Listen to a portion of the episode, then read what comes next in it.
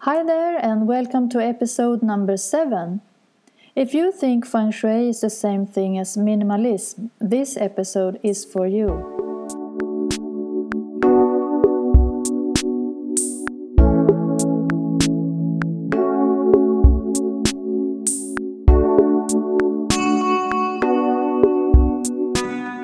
If you're here for the first time, my name is Ylva and I am the creator of Design the Simple Life.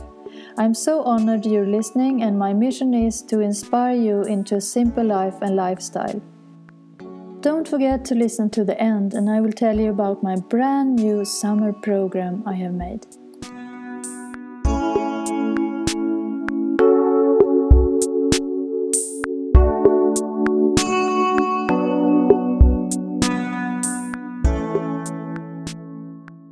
Feng Shui is also called the art of placement.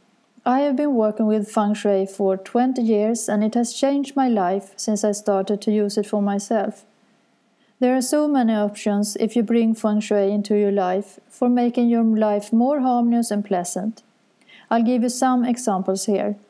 If you need to improve your relationships with friends, to grow your business and your wealth, your success, and also how to work with your blockings about money, relations, and so much more, then Feng Shui is a very good tool. You have to create a roadmap called Bagua, and in the Bagua you can see clearly what you have to improve and do something about in your life. It's also very useful to work with the five elements and how different colors works for you and give you what you need. If you need more energy, you probably need more of the fire element and maybe you can wear something red or orange.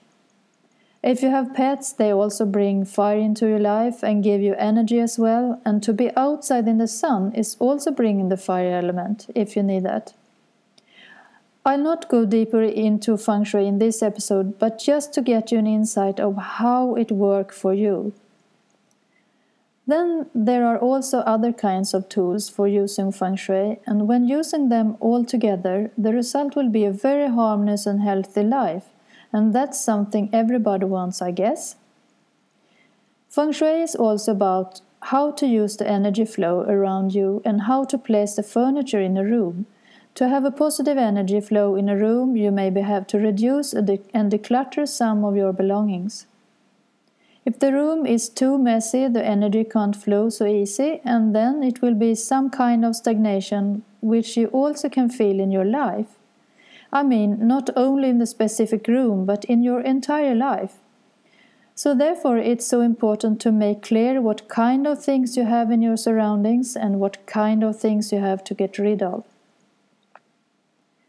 Many people think that feng shui is the same thing as minimalism. I can tell you that it's not the same thing.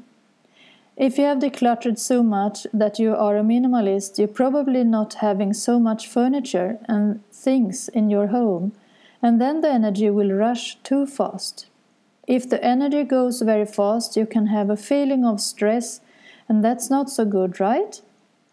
But if you want to become a minimalist, okay, there are solutions, of course, to still have positive energy flow. It's all depending on where you, you put your furniture and other things in your room. An open area with a shiny tile floors gives a very fast energy flow. So therefore, if you have that kind of floor, you can reduce that flow with a big flower, a chair, or something else that's stopping the energy flow a bit. You can also use carpets, which reduce the energy flow. What I mean is, yes, it's positive with energy flow, but in a normal speed, if you know what I mean. So, here are the conclusions. Feng Shui is the art of placement and how to place the furniture for the best energy flow, using the five elements, the Bagua and Yin Yang. If you would like to go deeper into Feng Shui, you can also use other tools as some countings, to combine minimalism and feng shui, you'll get a very healthy home, but remember to reduce the fast energy flow if you like the minimalism style. I hope you have got an insight of feng shui versus minimalism and get inspired to go home and begin to change your home, which also affecting your life very much. And now about the summer program I have made. It's a four week online program where I assist you to declutter your home and I'll give you all the tools you need to succeed. Maybe you've waited for the best moment to, be in, to declutter your home, and I'll tell you something that moment doesn't exist. So that's why I made this program for you so that you can begin your decluttering journey. So, if you're interested, go to my website ylvamariadesign.se for more information. You'll find the link in the description box. I would love to see you inside of my program. And don't forget to subscribe to my channel and share it with your friends if you would like to support me and my podcast Design a Simple Life. I also would be very grateful if you would like to write a review in iTunes. Then this podcast can still be alive. Thank you so much in advance. And thanks for now. Have a wonderful day and see you soon.